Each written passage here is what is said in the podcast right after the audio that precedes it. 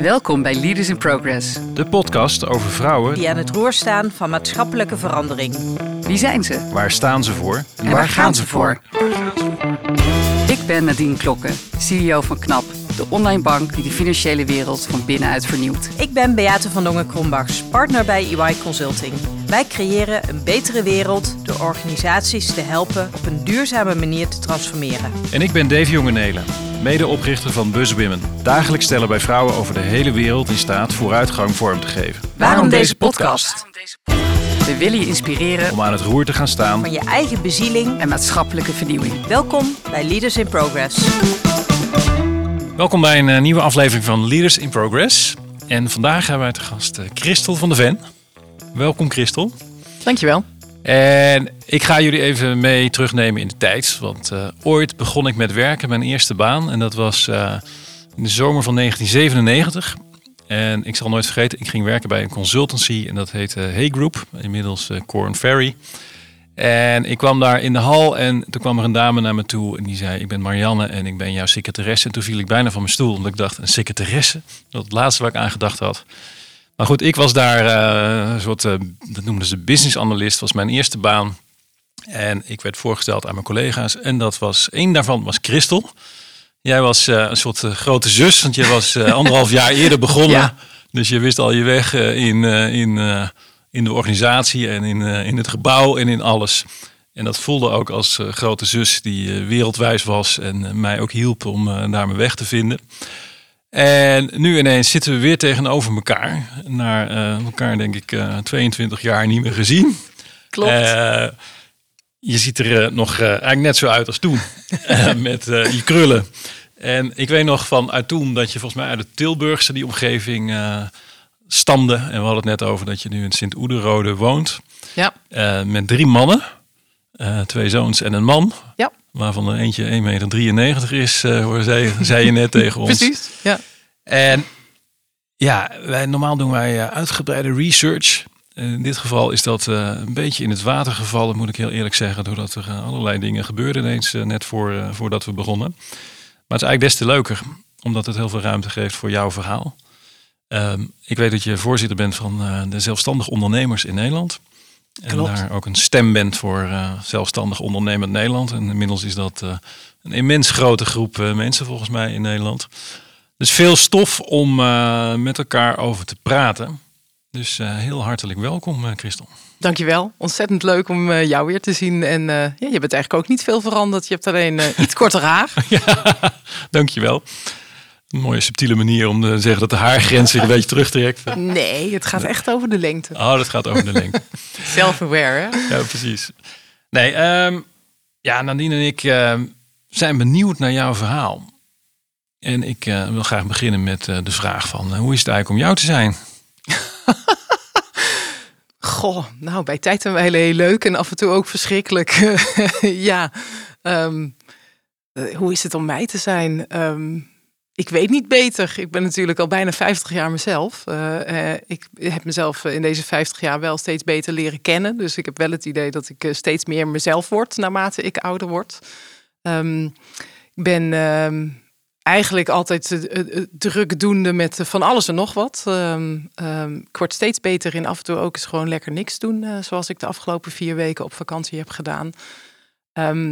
Maar ik vind het, eh, ja, ik kan eigenlijk niet anders dan eh, ehm, bezig zijn met, eh, met, met, met lekker ondernemen. Met eh, kijken hoe we de wereld een beetje mooier kunnen maken. En dan in mijn geval met name de wereld van werk. zoals wij mensen werken en leven, dat is zo belangrijk voor velen. En ik heb daar eigenlijk vanaf de tijd dat wij elkaar ontmoeten bij Hey... wel ideeën over hoe dat mooier, leuker, beter en soms ook echt wel anders kan. Ehm, en dat doe ik met, eh, met veel plezier. En af en toe word ik eh, gek van mezelf. En eh, de omgeving waarschijnlijk ook een beetje gek van mij. Ja, dat krijg ik af en toe wel terug. Van onder andere die drie mannen. Ja, Ja. precies. Die houden je bij de les. Zeker, ja. Misschien even terugkijken naar Hey. Wat het toch wel een mooi startpunt is. Hoe, hoe kijk jij zelf terug op, op die periode? Ja, eigenlijk met heel veel uh, uh, plezier. Hey was voor mij mijn tweede werkgever. Ik had daarvoor drie maanden bij de ING-bank gewerkt. Ik ben uh, afgestudeerd als beleid- en organisatiewetenschapper. En um, in 96... jullie zijn ook ex-collega's. Ja, ja, ja, zou dat? Oh, echt? Oh, in die drie maanden? Dat lijkt me sterk. ja. Nou ja, in ieder geval hetzelfde bedrijf hebben we gezeten. Oh, wat grappig. Ja. Ja, ik, ik studeerde af in, uh, in 96. Uh, mijn zus was een paar jaar daarvoor afgestudeerd als psycholoog. En die had best wel moeite moeten doen om een, aan een baan te komen. Dat was in de tijd helemaal niet zo gemakkelijk. dus toen ik net was afgestudeerd, toen ging ik ook direct solliciteren. Omdat ik dacht van, hoe dat wordt best ingewikkeld om een baan te vinden. En toen kwam ik in een enorme sollicitatieprocedure voor een trainee-programma bij een bank. Um, uh, uit 500 mensen werd ik uiteindelijk uh, geselecteerd met nog negen anderen. En ik was eigenlijk volledig gefocust geweest op dat programma. En ING is natuurlijk een werkgever waarvan iedereen zegt: Nou, als je daar terecht komt, dan zit je goed. En eigenlijk op het moment dat ik daar begon, toen dacht ik, wil ik dit eigenlijk wel? Uh, eindelijk binnen. ja, eindelijk binnen. Helemaal gefocust op uh, weer een rondje door. Oh, er zijn er 743 afgevallen en ik mag door. Hoe, wat uh, belangrijk en goh, vlijend, ik ga door. Toen kwam ik op een klein uh, kantoor in Oosterbeek uh, en daar had ik een fantastische tijd. Dat was heel erg leuk met gewoon, uh, daar werkten vier of vijf mensen en daar hadden we de grootste lol. En daarna ging ik naar een regiokantoor van ING en eigenlijk vanaf het moment dat ik daar kwam, toen dacht ik, wat moet ik nou bij een bank? En ik werd ook echt opgeleid tot echt een bankfunctie. Dus het was een traineeship waarbij je dan daarna ook echt de bankdingen ging doen.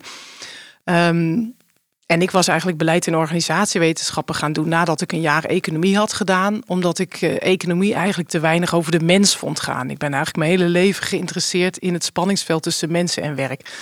Nou, lang verhaal kort. Uh, uh, mijn, mijn, uh, destijds mijn vriend, nu mijn man, ik ben ook al heel lang met hem, die, die had ook een baan, nieuwe baan. En die had het fantastisch naar zijn zin. Die kwam elke dag echt vrolijk en lachend thuis. En ik zat elke dag echt letterlijk gewoon te huilen op de bank. Van oh, oh niet op de ING-bank, maar wel thuis. Um, en um, dat zei mijn man, die had een mentor bij zijn bedrijf. En die zei: God, nou, mijn vriendin, echt zeg geen land mee te bezeilen. Die zit alleen maar te jammeren en te huilen. En toen, uh, toen zei zijn mentor, die zei: Nou, ik ken misschien wel iemand uh, die werkt bij Hey. En uh, volgens mij, wat jij over haar vertelt, dan past ze daar wel. En toen ben ik eigenlijk heel snel gewoon nog in een sollicitatieprocedure voor business analyst bij Hey terechtgekomen. En dat voelde echt enorm ja, alsof ik daar echt op mijn plek zat. Want het is natuurlijk een HR-adviesbureau. Gaat over hoe zorg je ervoor dat mensen goed en, en, en, uh, en lekker kunnen werken. Wat ik nog steeds heel belangrijk vind. En het was gewoon een hele leuke club mensen. Dus uh, mensen die ik nog steeds her en der zo eens tegenkom. Ik denk dat jouw secretaresse Marian Lampers was, Lampje. Ja. En die ben ik toevallig laatst uh, tegengekomen bij het coachhuis dat zij bestiert. Dus oh, dat leuk. is wel weer heel grappig. Dus ik had daar echt ontzettend naar mijn zin. Um, en ben er ook, um, denk drie jaar later, verschrikkelijk op mijn bek gegaan. Echt, voordat iedereen een burn-out had, had ik hem al gehad. Want uh, op mijn 27ste was het bij mij al zover. En dat heb ik ook uh, mede dankzij hey, uh, voor elkaar gekregen. Maar ik ben er ook weer uitgekomen. En ja, oh, wow. mooie eerste start. Zo jong, hè? Ja, heel jong. Ja, ik doe alles heel snel. Ja. nou ja, nou, de veel wijsheid dan ja. uh, waarschijnlijk ook. Ja. ook cool. Een early adopter van de burn-out. Ja, zoiets. Ja. En wat is je takeaway geweest dan van die... Uh... Um, ja, er zijn zoveel takeaways. Ik bedoel, uh, uh, goed, goed is goed genoeg. Of, en als het niet helemaal goed is, is het ook goed genoeg. Dat is denk ik voor mij mijn eeuwige les.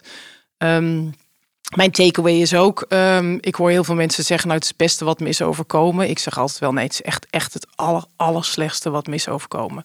Ik vond dat echt uh, zo'n verschrikkelijk nare tijd. Um, dus ik ben er wel nu echt heel druk mee bezig van hoe kunnen we ervoor zorgen dat werk ook wel gewoon leuk is. En dat je er absoluut door ontwikkelt, maar dat je er niet van verslijt en ook niet burn-out raakt. Dus uh, het is misschien ook wel een motivatie om nog steeds met dat thema mensen en werk uh, bezig te zijn. Ja, en toch was het daarvoor ook een thema voor je. Want je bent natuurlijk ook niet zomaar ja. dat gaan studeren. Wat, wat, wat maakt het dat het thema van, vanaf het begin al zo belangrijk is voor je? Ehm, nou, ik kom uit een onderwijsgezin. Mijn vader is uh, altijd onderwijzer geweest in het speciale onderwijs. Ehm, mijn moeder die zat in de kinderopvang. mijn zus die werkt nu ook in de scholenbegeleidingsdienst. Dus we zijn eigenlijk altijd wel bezig met ontwikkeling. Alleen um, ik had destijds wel echt het idee van... ja, ontwikkeling is ook belangrijk voor mensen die werken. Dus, en ik, ik, ik vond me ook wel een beetje de zakelijke van het gezin. Dus ik wilde eigenlijk het bedrijfsleven in. Dat was destijds mijn, uh, mijn drijfveer. Um, dus ik denk dat, uh, en waar dat vandaan kwam, dat weet ik eigenlijk niet, uh, niet precies. Um, maar ik ben dus inderdaad ja, echt geïnteresseerd in hoe leren en ontwikkelen mensen zich. en met name, hoe doen ze dat in het werk? Werk is toch iets wat wij heel veel uren van de week doen. Um, als je leuk en goed werk hebt, dan draagt dat ook ongelooflijk veel bij aan, aan je eigen leven. En uh, hoe mooi is het dan als dat werk ook nog eens bijdraagt aan andermans levens? Uh, ja, werk is toch wel uh, de ontwikkelfactor uh, van je welste. in ieder geval hier in Nederland. en dat vind ik heel interessant. Ehm, want het grappige is dat we ook wel weten uit allerlei studies hè, dat werk mensen heel gelukkig kan maken. Mensen met werk zijn over het algemeen gelukkiger dan mensen zonder werk. Maar als je kijkt naar het aantal burn-outs, hè, want ik was niet de enige, uh, het is eigenlijk alleen maar erger geworden, dan heeft werk het ook in zich om je heel erg ongelukkig te maken. Nou ja, hoe zorgen we er nou voor dat we uh, dat groeien van werk met elkaar uh, beet kunnen pakken en dat slechte achterwege weten te laten? Wat, wat is het groeien van werk? Waar zit dat voor jou in? Ik denk heel bazaal. Mensen hebben eigenlijk drie uh, basisbehoeften hè, die wij allen in ons werk, uh, maar zeker ook in ons leven willen vervullen. Dat blijkt ook uit allerlei onderzoek. Um, mensen willen graag doen waar ze goed in zijn. Mensen willen beslisvrijheid hebben en mensen willen ergens bij horen. Um, en dat hoef je niet in je werk te vinden. Hè. Dat kan je natuurlijk ook gewoon in allerlei andere omgevingen, in je privé-situatie uh, voor elkaar krijgen. Maar op het moment dat werk je dat ook geeft, hè, eigenlijk die vervulling van die basisbehoeften, Um, dan word je daar als mens beter van. En ik denk dat als mensen goed in hun vel zitten, dat ze ook weer meer door kunnen geven aan andere mensen. Dus dat we ook meer wederkerigheid krijgen en, um, en dat mensen elkaar gaan helpen. En dat mensen ook het goede voor elkaar doen. Um, en als je, als je dat echt naar jezelf trekt, van uh, die drie onderdelen. Hè, uh, doen waar je goed in bent. Van, ja. Als we nou echt heel groot uitvergroten waar jij, Christel, heel goed in bent. Van, wat is dat dan? Ja, Um, ik denk waar ik goed in ben, is om um, toch wel hele complexe situaties uh, behapbaar te maken. En, uh, en, en proberen uh, ze eigenlijk simpeler te vertalen en in simpelere taal uit te leggen. Dat kan ik goed. En wat ik ook door de jaren heen heb geleerd, is dat ik um, goed mensen in gesprek met elkaar kan laten gaan. ik kan goed luisteren naar wat andere mensen zeggen en hen ook echt wel helpen om met elkaar beter te praten. Um, dat blijkt ook wel uit mijn werk. Ik heb onder andere hele ingewikkelde CO-onderhandelingen geleid, hè, waarbij vakbonden en werkgevers het echt niet met elkaar konden vinden en echt toch kijken van waar, waar zitten wel de achterliggende gedeelde ja. belangen. Um, en ik denk eigenlijk ook dat dat gewoon de sleutel is tot, uh, tot lekker werken. Op het moment dat je als, als organisatie of als leidinggevende goed in gesprek kan gaan van waar gaat deze tent naartoe. En uh, bij een medewerker of een ander soort werkende erachter komt van waar sta jij in je leven en je loopbaan en wat is voor jou belangrijk. Dat je al samen puzzelen tot veel betere oplossingen kan komen. En ik krijg uh, inderdaad toch ook wel terug dat, dat, dat ik ja, er goed in ben om andere mensen aan het eh, praten te krijgen. Daarover. Ja. ja. En die beslisvrijheid voor jezelf? Ja, die is uh, wel heel belangrijk. Dus uh, toen ik begon met, uh, met werken, toen was ik echt wel vooral bezig met nog beter worden. Hè. Dus ik heb ook echt wel de drive om dingen goed te doen. En ik, dus die, die behoefte aan competentie voel ik zeker. maar ik ben in 2010 voor mezelf begonnen als zelfstandig ondernemer. Um, en ik merk dat ik het heel erg prettig vind om beslisvrijheid te hebben.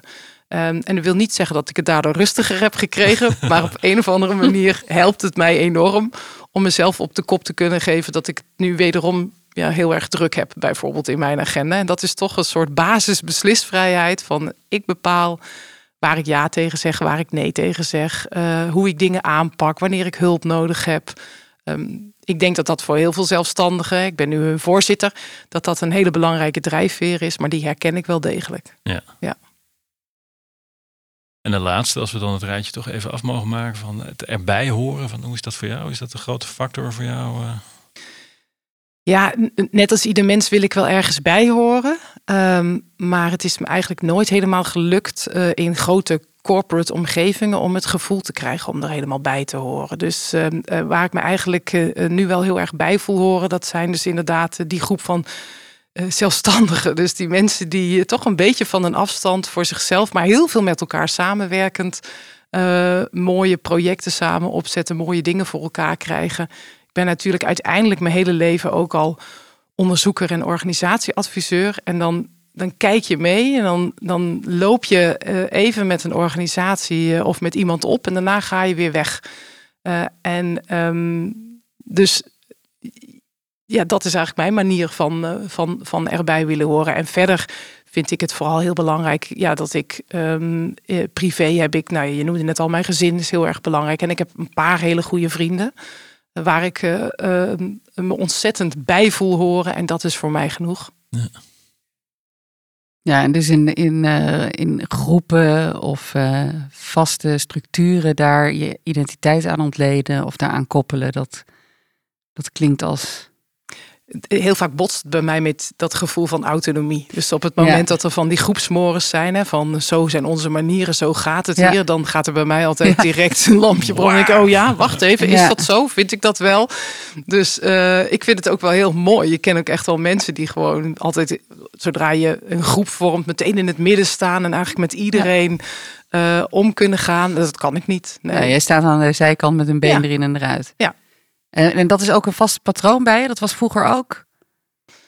Um, ja, privé heb ik dus inderdaad het kleine groepje ja? waar ik al ja. heel lang bij hoor. Want ik ben zo trouw als een hond uh, uh, naar dat groepje. Maar in werksituaties, uh, ja, ik vind het altijd Studietijd? Wel... Studietijd ook, ja. ja. ja. Ja, ik, ik zat wel bij. Ik ging niet bij een studentenvereniging. Daar kreeg ik al meteen de kriebels van. ik ging wel bij een studievereniging. Maar bij die studievereniging was ik dan niet uh, uh, de harde kern. Nee, dus ik, uh, dus ik ging wel eens mee en dan weer een tijdje niet en dan weer wel. En ja, zo zit ik in Ja, wel een mooie vorm dan nu met die vereniging van zelfstandigen. Ja. Toch? Dat ja. inderdaad, want daar heb je by definition eigenlijk die eigenheid van iedereen. Ja. Die is er. Klopt. Ja. Hey, wat mij nog fascineerde, wat je net beschreef van wat ik eigenlijk zie gebeuren, is dat burn-outs toch toenemen. Um, als je vanaf startpunten dat het jou ooit is overkomen. En, en, en voor jou is het heel belangrijk om, om dus aandacht te richten op uh, ja, het werk wat uh, toevoegt, hè, wat positief uh, is. Wat is jouw lezing dat dit dan, ik neem maar even aan dat dat dan breed maatschappelijk gebeurt, dat patroon, dat het eigenlijk toe lijkt te nemen. Wat zit daaronder? Ja, de, de, de, de vraag is eigenlijk, neemt het toe of uh, praten we er makkelijker over? Dus dat ja, is, uh, uh, maar wat we ja. wel zien is dat er steeds meer mensen zijn die zelf rapporteren van ik heb last van stress. En dat komt door mijn werk.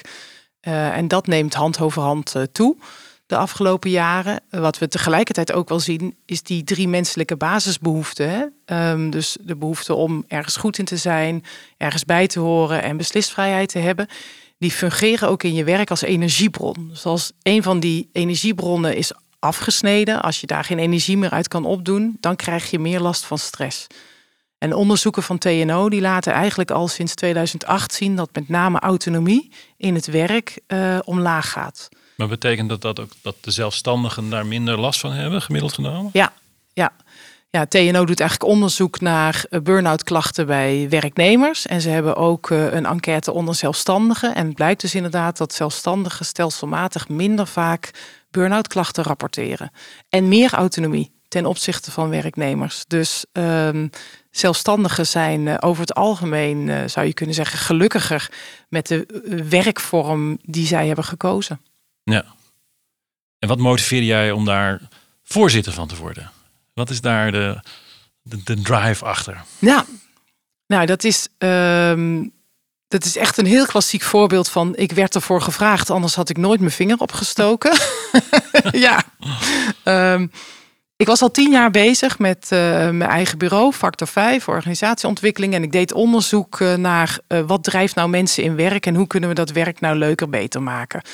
Ehm, in dat onderzoek kwamen we er ook steeds meer achter dat uh, mensen eigenlijk gewoon in werkrelaties uh, andere dingen belangrijker gaan vinden. Bijvoorbeeld de purpose van een bedrijf. Waar sta ik voor? Je wil ergens bij horen en je wil ook het idee hebben dat je organisatie iets goeds doet. Uh, mensen hebben altijd behoefte aan, aan autonomie. En wat ik zag was dat er ook wel mensen de wijk namen naar zelfstandig ondernemerschap, omdat ze eigenlijk die elementen niet in een organisatie konden vinden. Nou, ik hield daar praatjes over en lezingen op congressen. Congressen over duurzame inzetbaarheid, congressen over werkgeluk. Maar dan um, kom je eigenlijk een groepje tegen. Dat staat dan voor je neus. En dat is eigenlijk gewoon het al met je eens. Want anders komen ze niet naar zo'n congres. Ja. Dus Amerikanen noemen dat een beetje preaching to the choir. Hè? Dus ja. je bent eigenlijk aan het preken voor het koor. Maar ja, dat koor dat heb je al mee. Um, na tien jaar dat gedaan te hebben, begon ik zelf eigenlijk wel ook te merken van wat is nou mijn impact? Hè? Dus ik, uh, ja, het is een beetje motherhood en apple pie wat ik vertel. Hè? Warme moederliefde en dito appeltaart, uh, daar kan je eigenlijk niet tegen zijn. Maar ik had niet het idee dat het echt wel opschoot, uh, dat het echt de goede kant op gaat. En dat heeft ook heel erg te maken, kwam ik steeds meer achter, in hoe wij in Nederland werk geregeld hebben. Uh, waarbij werknemerschap met allerlei veiligheidspallen uh, en zekerheden voorzien is. En zelfstandig ondernemerschap veel minder. Nou was ik daar niet zo super bewust mee bezig. Maar ik werd in de zomer van 2020 benaderd door een aantal zelfstandige organisaties. Die wilden de handen ineens slaan. Want die zeiden, ja, er gaat heel veel gebeuren op wetgevingsgebied ten aanzien van zelfstandig ondernemerschap. En wij zijn eigenlijk met te veel verschillende uh, clubs. Uh, en de politiek weet niet met wie ze moeten praten. Nou, de politiek en de polder. Dus uh, er, er, wordt ook heel vaak gesproken over werkgeverschap, werknemerschap. Ja, maar waar zitten die zelfstandigen dan? Ja, maar clubs als ZZP Nederland.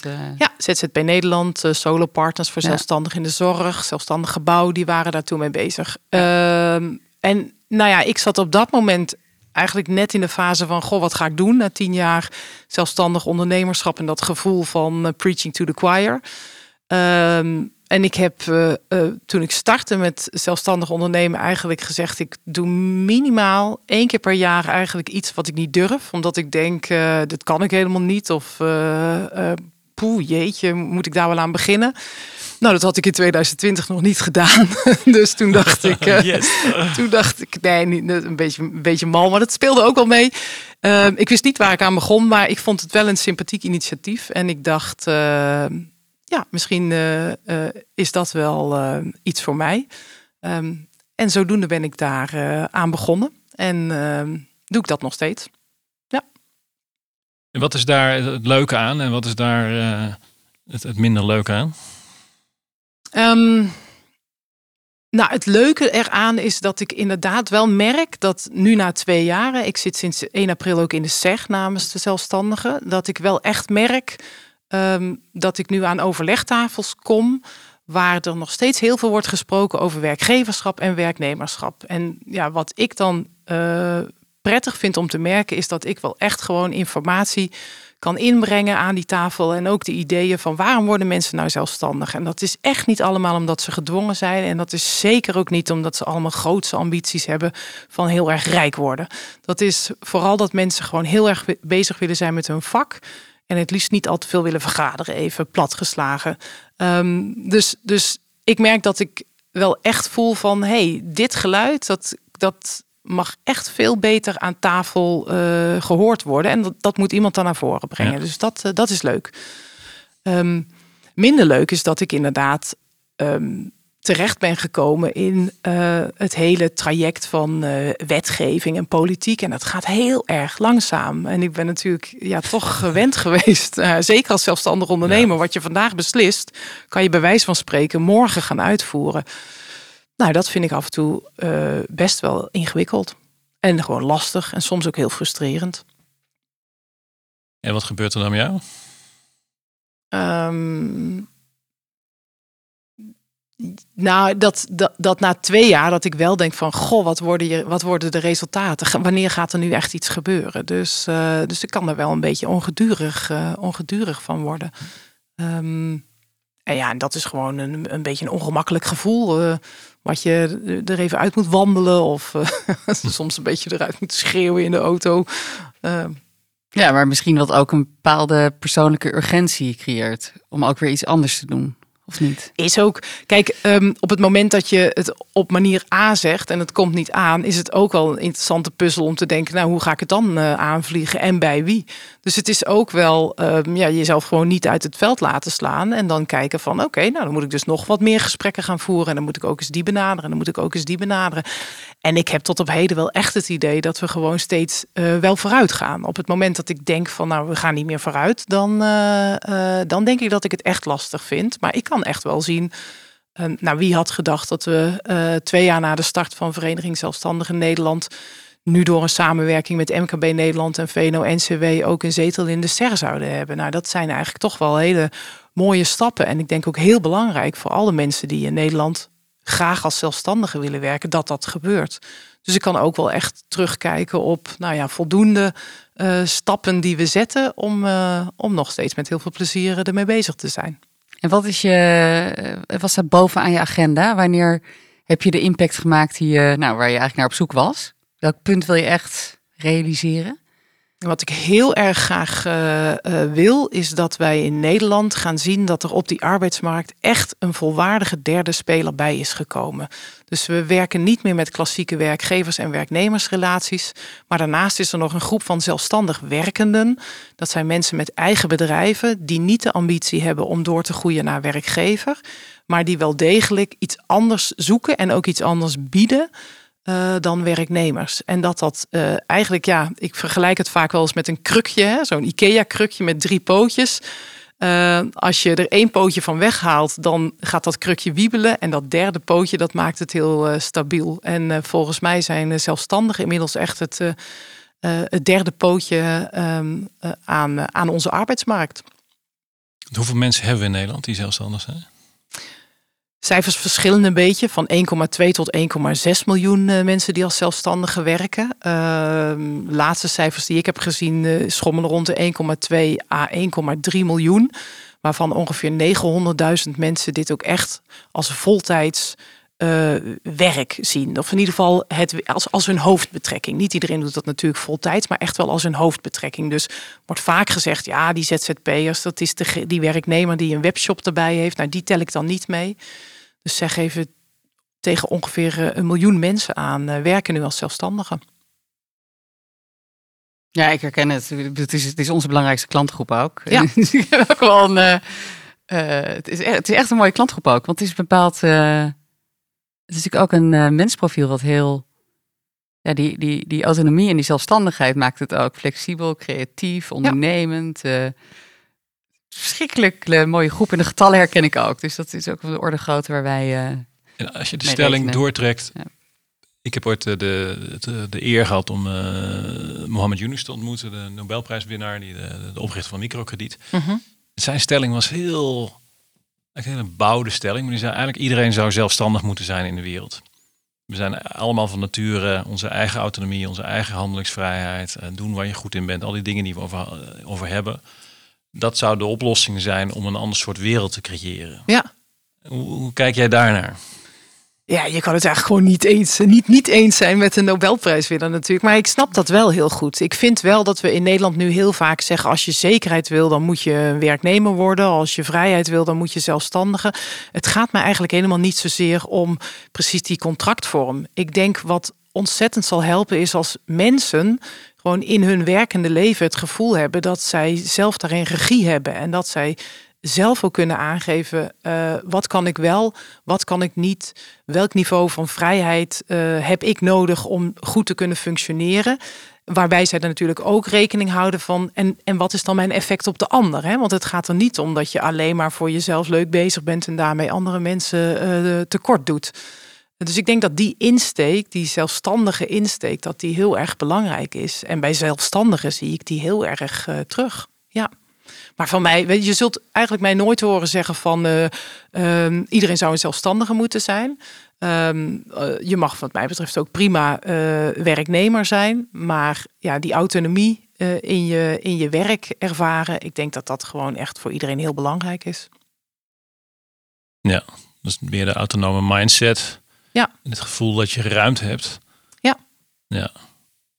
Ja, interessant. Ik, ik, kijk, als ik naar jou kijk, van, van, is het wel interessant zo, na, na zoveel jaren, dan, eh, dan eh, is het loyale vrijheidsstrijder. Zo voelt het een beetje. Van, is heel loyaal naar je omgeving en tegelijkertijd, je zegt, ik krijg de kriebels als ik eh, ergens ingeperst word of zo, of bij moet horen. Of, eh, Klopt. En wat is daar, want je zei het is heel leuk om mij te zijn, maar het is soms ook verschrikkelijk, zeg maar. Van, eh, wat maakt het soms verschrikkelijk? Ja, omdat ik eh, eh, heel vaak heel diep en heel lang over dingen nadenk. Dus soms zou ik wel willen dat ik mijn gedachten even stil kon zetten. Daar word ik wel steeds beter in door de jaren heen.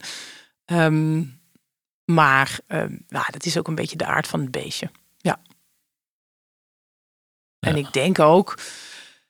Nou ja, ik ben al heel lang samen met eh, een hele leuke kerel, dus eh, hij kan het. Maar eh, ehm, ja, ik ben wel altijd met duizend en één dingen bezig. Dus eh, ehm, ik kan me best ook voorstellen dat sommige mensen naar me kijken en denken: jeetje, dat zou ik daar moe van worden. Maar dat heb ik gelukkig niet.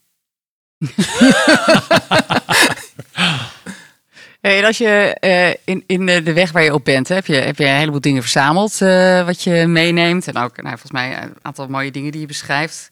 Dat mensen in elkaar, met elkaar in gesprek eh, eh, brengen. Eh, is er nou iets wat je eigenlijk nog, waarvan je zegt, ah, dat, als ik naar mezelf kijk, dat is nou eigenlijk wat ik mis om, om echt die impact te realiseren die ik naar, naar voren toe wil halen. Dus wat je bijvoorbeeld aanvoelt met anderen of waar je zelf nog verder op wil werken. Nou, wat ik ehm, eh, nu merk in deze situatie, kijk, ehm, eh, hoe voer ik zelf nu ook die dialoog? Ik ben er heel erg goed in om andere mensen in gesprek te laten gaan. Ja. Maar nu ben ik natuurlijk ook eh, voorzitter van een belangenvereniging zelf, met belangen voor die zelfstandigen. Ehm, en ehm, voor mij is het heel erg zoeken naar wat is dan de toon die je aanslaat. En wat ik wel heb gemerkt is dat je af en toe heel scherp moet zijn om eigenlijk aan tafel te komen. En soms vind ik dat lastig, omdat ik denk van, goh, waarom kunnen we niet op basis van de inhoud, hè, en we hebben allemaal eh, een plek op die arbeidsmarkt en we zitten allemaal nu te worstelen met alle dingen die er misgaan op die arbeidsmarkt, dan zou ik soms vanuit het rationele en het redelijke eigenlijk kunnen zeggen, nou laten we nu allemaal bij elkaar zitten en gewoon eens even kijken of we inhoudelijk gezien eh, dit varkentje met elkaar kunnen wassen. Eh, maar zo werkt het gewoon niet. Je moet het toch wel door bestaande belangen heen. eh, en je merkt soms wel dat je ook wel echt eventjes moet laten zien van hé, hey, wij zijn er ook. Ehm, en dat is voor mezelf, eh, vind ik op dit moment, een belangrijke zoektocht. Van waar ben ik op het scherpst van de snede, zonder dat ik eigenlijk mezelf verlies. Dus zonder dat ik het gevoel heb dat ik mezelf overschreeuw. Dus dat is voor mezelf eigenlijk wel op dit moment ehm belangrijkste leerpunt. Hoe, hoe doe je dat?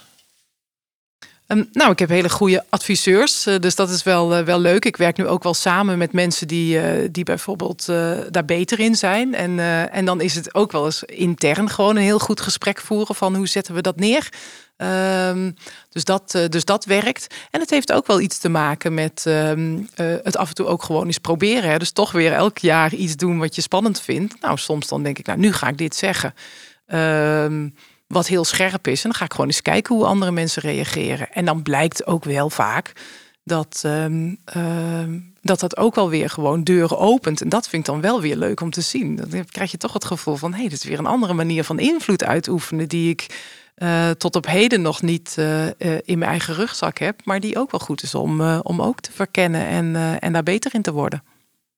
En tegelijkertijd voel ik ook daarbij, tenminste als ik naar mezelf betrek, van het is ook iets in de maatschappij waarin iedereen podium wil en steeds harder gaat roepen en steeds verder gaat polariseren om die grenzen op te rekken. En ik hoorde eh, ooit te vergelijken van eh, politiek met een kleine p en dan gaat het over eh, de kleine beweging en de, en de regeling. Ja. En je hebt politiek met een grote P waarin mensen heel hard gaan roepen en eigenlijk heel expliciet worden, waardoor het hele speelveld naar links of rechts schuift, zeg maar. Van, dus hoe hou je daar in de stem van de redelijkheid en de dialoog, Ja. die volgens mij heel erg bij jou past? Ja. Eh, ja, hoe hou je die overeind in dat stuk? Ik denk dat dat voor heel veel mensen geldt. Hè? Van, eh, ook in de voorraad die er zijn. Eh, ik heb zelf zo'n soort haat-liefde verhouding met LinkedIn of zo. Weet je, dat voelt ook van. Ja, aan de ene kant is heel mooi. Aan de andere kant het is ook een soort parade van meningen en, en ego en commercie die de boventoon krijgt. Dus ik ben daar ook wel benieuwd, ja, misschien voor jullie beiden van, ja, hoe zie je dat? Hoe doe je dat? Nou ja, dat, dat is dus inderdaad wel het spanningsveld. Ik heb dat overigens met alle social media. Hè. Het is belangrijk om je daarop te laten zien. Uh, zeker als vereniging. En tegelijkertijd, wat ik wel merk, is uh, ja, op het moment dat er een plan komt. Hè, uh, we hebben dit gesprek nu en er is net een, een plan uitgelekt. Dus we weten nog niet eens precies de plannen over hoe koopkracht voor mensen die het heel zwaar hebben te verbeteren ja, dan is het inderdaad wel echt de afweging van uh, ga je meteen vol op het orgel en zeggen van uh, nou het slaat nergens op en uh, het is heel erg slecht. Ehm, ja, dat voelt dan voor mij op dit moment gewoon niet gepast. Omdat ik ergens denk, het doel is dat mensen die eigenlijk nu hun energierekening echt niet meer kunnen betalen, uh, om die te helpen. Daar zitten overigens ook zelfstandigen bij. Ja, ik wil dan toch gewoon eerst die plannen helemaal goed kunnen lezen. Om te kijken of die mensen ook daadwerkelijk geholpen worden. En vervolgens ook om te kijken of de prijs die andere zelfstandige ondernemers in mijn geval daarvoor moeten betalen redelijk is. Um, en totdat ik die plannen weet, um, ja, kan ik daar eigenlijk inhoudelijk nog niet heel veel over zeggen. Um, het ingewikkelde is wel dat uh, media op het moment dat uh, plannen uitlekken, eigenlijk ook direct om een reactie vragen. Ja, en ik weet ook wel dat als je dan woorden gebruikt, hè, als het is een godspe of uh, het kan toch niet zo zijn dat, inmiddels begin ik die woorden echt wel te, te herkennen en niet te gebruiken. Um, maar dan denk ik, ja, god, als ik dat nu zou zeggen ja, dan, uh, dan heb je een kop in de krant. Uh, en tegelijkertijd denk ik, dat is volgens mij niet de weg waarop, uh, waarop we komen tot oplossingen. Er wordt zoveel geroepen. Ehm, ja, en, en, en ik denk toch dat we gewoon echt goed met elkaar moeten kijken wat zijn inhoudelijk passende oplossingen. En op het moment dat ik heel hard ga roepen en schreeuwen, dan kan het zijn dat ik op het moment dat er echt over die oplossing moet worden nagedacht, niet aan tafel uitgenodigd wordt omdat mensen denken, ja, dat, uh, daar, daar, daar, daar, kunnen we, daar kunnen we toch niet mee praten. Maar dat blijft gewoon wel heel erg ingewikkeld. Ja. ja. Voor mij. Ja. Ja, helder. Ik zie Nadine echt nadenken nu. Nee, ik, ik, ik, wilde, ik, ik wilde er eigenlijk op ingaan. Maar uh, je stelde ook de vraag aan mij, hè. Um,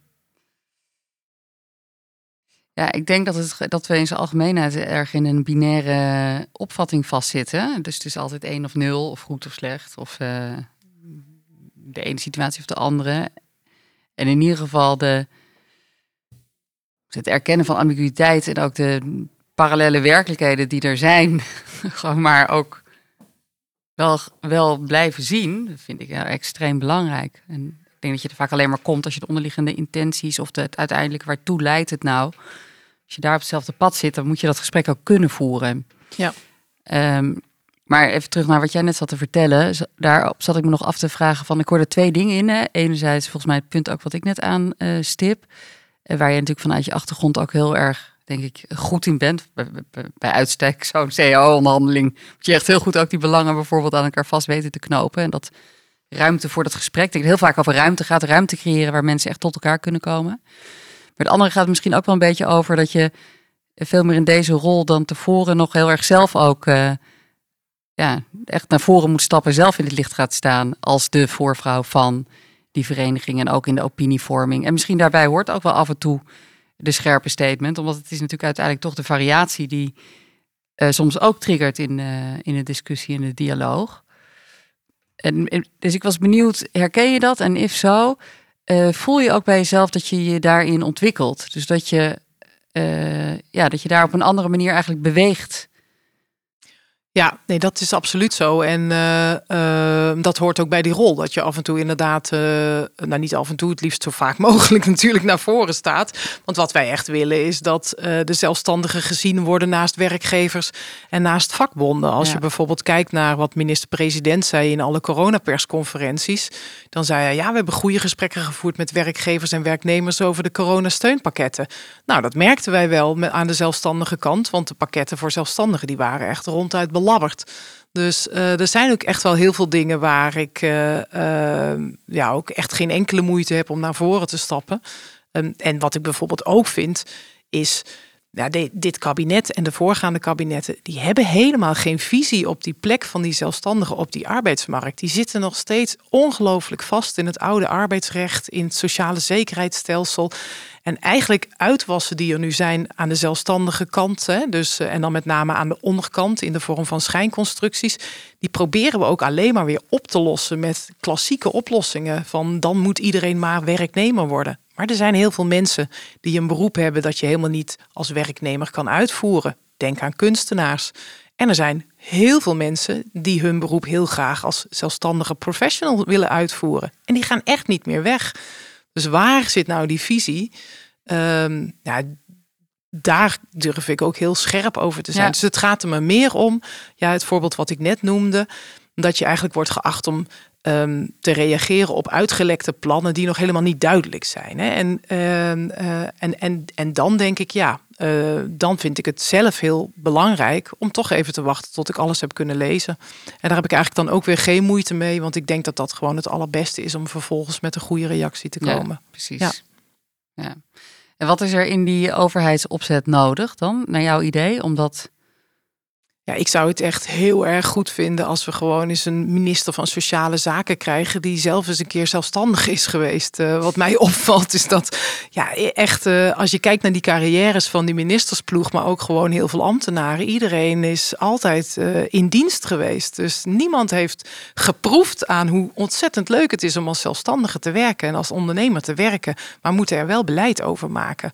Dus dat zou wel heel erg Ja. mooi zijn. Eh, nou is dat deze kabinetsperiode niet het geval. En dan is het vooral nodig dat ze gewoon heel goed luisteren naar eh, clubs eh, zoals die van mij. Dan moeten ze de kennis maar eh, op die manier Ja. binnenhalen. Als ze jou op die plek zouden vragen, zou je dat doen? Ehm, goh, nee, dat weet ik eigenlijk niet. Nee, mijn eerste reactie is nee, omdat ik. ehm, Het zou wel het ene spannende ding kunnen zijn. Ja, het zou wel een keer een volgende spannende ding kunnen zijn. Ja. Politiek is echt nog wel weer heel anders. Kijk, ik, eh, ehm, ik ben deze uitdaging aangegaan als voorzitter van die club zelfstandigen, omdat ik echt dacht, ik ben zelf zelfstandige. Ik vind het leuk om als zelfstandige te werken. En ik vind het eigenlijk heel gek dat het heel belabberd geregeld is in Nederland voor die zelfstandigen. En dat eigenlijk het publieke debat heel vaak gaat over eh, hoe dat zou je eigenlijk niet moet, moeten willen of niet mogen worden. Dus ik ben toch ook, ook hier wel inhoudsgedreven aan deze klus begonnen. Op het moment dat je echt een politieke functie hebt, heb ik nu ook wel gemerkt, want ik heb veel van doen met de politiek. Dan moet je ook echt eh, eh, zin hebben in het politieke spelletje. Nou, ik heb eh, afgelopen zomer, waarschijnlijk als laatste van Nederland, heb ik Borgen gekeken. Hè? Die, eh, die eh, serie over eh, een Deense minister-president, fictief. Ja. Ehm, en toen dacht ik, joh, als ik die nou drie jaar geleden had gekeken, dan was ik hier misschien niet eens aan begonnen. Dus nee, dat politieke spel en ook eh, behoren tot een politieke partij, dat is toch echt wel weer wat anders. Ja. En Wat zijn wel nog dromen die je koestert? Of als je eens een keer wegdroomt en even niet met duizend en één dingen bezig bent, zijn er nog dingen naar de toekomst dat je zegt, wauw, daar gaat mijn hart wel naar uit. Voor mijn eigen loopbaan eh, bedoel je? Het algemeen. voor je eigen leven. Voor mijn eigen leven.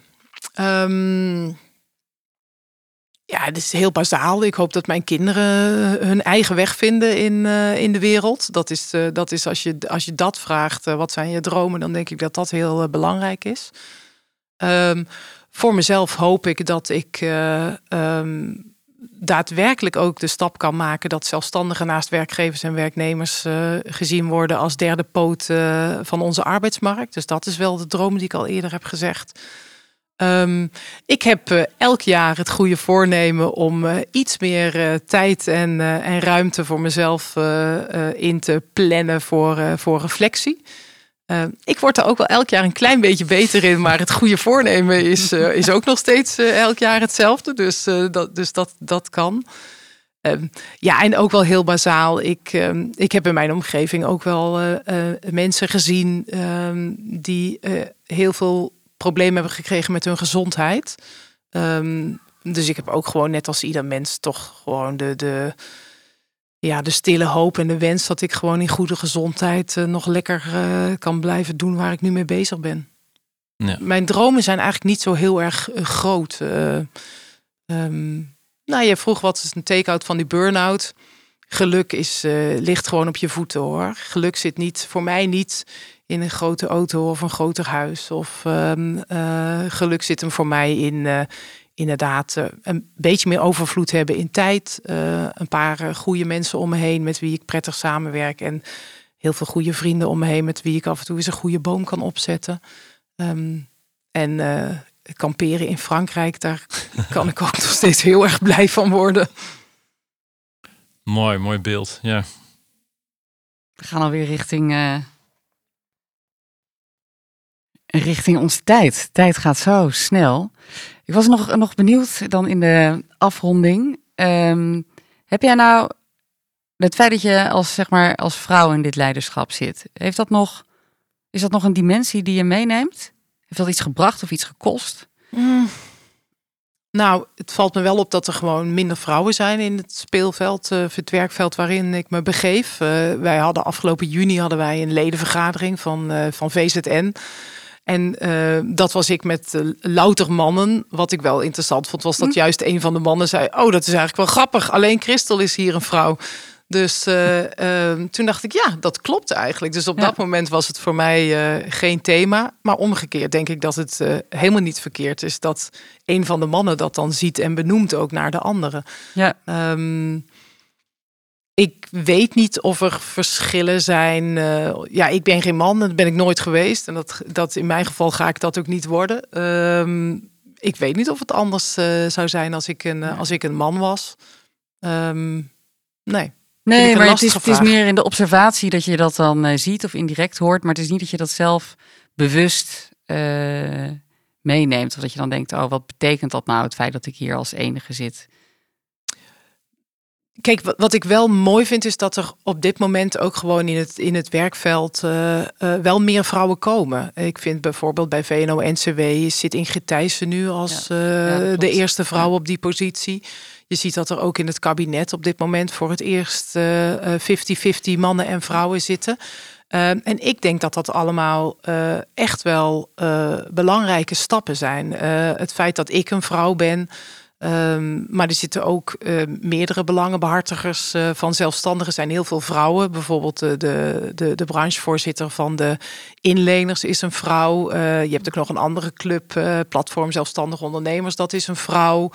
bij de werkvereniging zit een vrouw. Dus er zitten wel, er zitten wel meer vrouwen. Um, en ik denk dat het heel gezond is dat we gewoon in Nederland gaan wennen aan een 50-50 verdeling van mannen en vrouwen op eigenlijk alle soorten posities. Ja, precies. Hm. Ehm, mijn moeder is uh, uh, nog uit de tijd dat zij ontslag moest nemen toen ze ging trouwen met mijn vader. Um, en zij is op mijn zestiende weer uh, begonnen met werken. En heeft altijd ook wel tegen me gezegd: zorg dat je gewoon voor jezelf kan zorgen. En, en je kan een man nog zo leuk vinden, of een vrouw, hè, dat maakt eigenlijk helemaal niet uit. Je kan een partner nog zo leuk vinden, maar zorg dat je echt voor jezelf kan zorgen. En soms denk ik wel: hey, dan hebben we toch in één generatie best wel grote stappen gemaakt. En ik heb twee zoons. En die hebben een vader en een moeder die gewoon uh, uh, precies hetzelfde werken. Mijn man is uh, ook ondernemer. Ja, wij, wij worstelen allebei met onze tijd. Dus ook in huis doet de een dit en de ander dat. Nou, dat, dan denk ik wel, goh, dit, dit is wel echt een heel ander voorbeeld dan ik heb gehad. En ik denk dat het helemaal niet verkeerd is. Ja, ja, nice. Had jij nog een laatste. Nee, meer een overdenking van. Ja. Uh, kijk, wat ik zo mooi vind aan jou, Christen, is van dat. Uh, ik toch een beetje denken weer uh, terug naar dat begin van de, de, stoere zus. Er zit iets, ook dat ik ga gewoon spannende dingen. Een beetje dat Pipi Langkous gevoel van, ik weet niet hoe het moet, maar ik ga het gewoon doen, zeg ja. maar. Terwijl ik ook voel in dat hele ZZP, zelfstandige stuk, er zit ook een soort Calimero stuk in van ja, er wordt altijd eh, over werknemers, werkgevers gepraat. We zitten eigenlijk niet aan tafel. Uh, moet een derde pootje aan het krukje komen. En dus ik, ik zou, uh, mijn overdenking was meer, ik zou Nederland meer gunnen. Ik werk dagelijks en met vrouwen die allemaal zelfstandig zijn. Ja. We hebben nu met bus, ik weet niet, 350.000 vrouwen mogen, mogen, mogen opleiden of eigenlijk hen dingen aanreiken waar ze zelf mee aan de haal gaan. En daar zit zoveel kracht in en solidariteit en intrinsieke motivatie. En dat zijn mensen die niet in onmogelijkheden denken of zo van ik gun eigenlijk iedereen dat ze op die zelfstandige kruk gaan zitten, zeg maar. Dat niet Ja. de pootjes, maar dat de hele kruk zelfstandig is. En op zijn minst qua mindset. Maar ja, weet je, dat frustreert mij heel erg vaak. Dat ik denk in Nederlandse organisaties zoveel gepraat en gemekkerd over wat er allemaal niet kan en wat er allemaal opgelegd is en noem maar op. Dus dat was meer mijn overdenking. Ja, een beetje van, ja. ik vind je daar wel een mooi voorbeeld van. Ja, nee, gewoon gaan het gewoon doen. En al is het spannend. En, eh, Ja, en, en, en er zijn heel veel vrouwelijke zelfstandige ondernemers die ook gewoon echt door dat zelfstandig ondernemerschap erachter komen van hoe ongelooflijk veel ze kunnen en ook hoe ongelooflijk leuk het is om te ondernemen en om eh, en af en toe gewoon eens ook op, op je bek te gaan en dan te merken dat je daar wel weer uit opkrabbelt. Dus, eh, dus het is ook wel weer een hele mooie manier om eh, te ontdekken wat je, zelf, wat je zelf kan.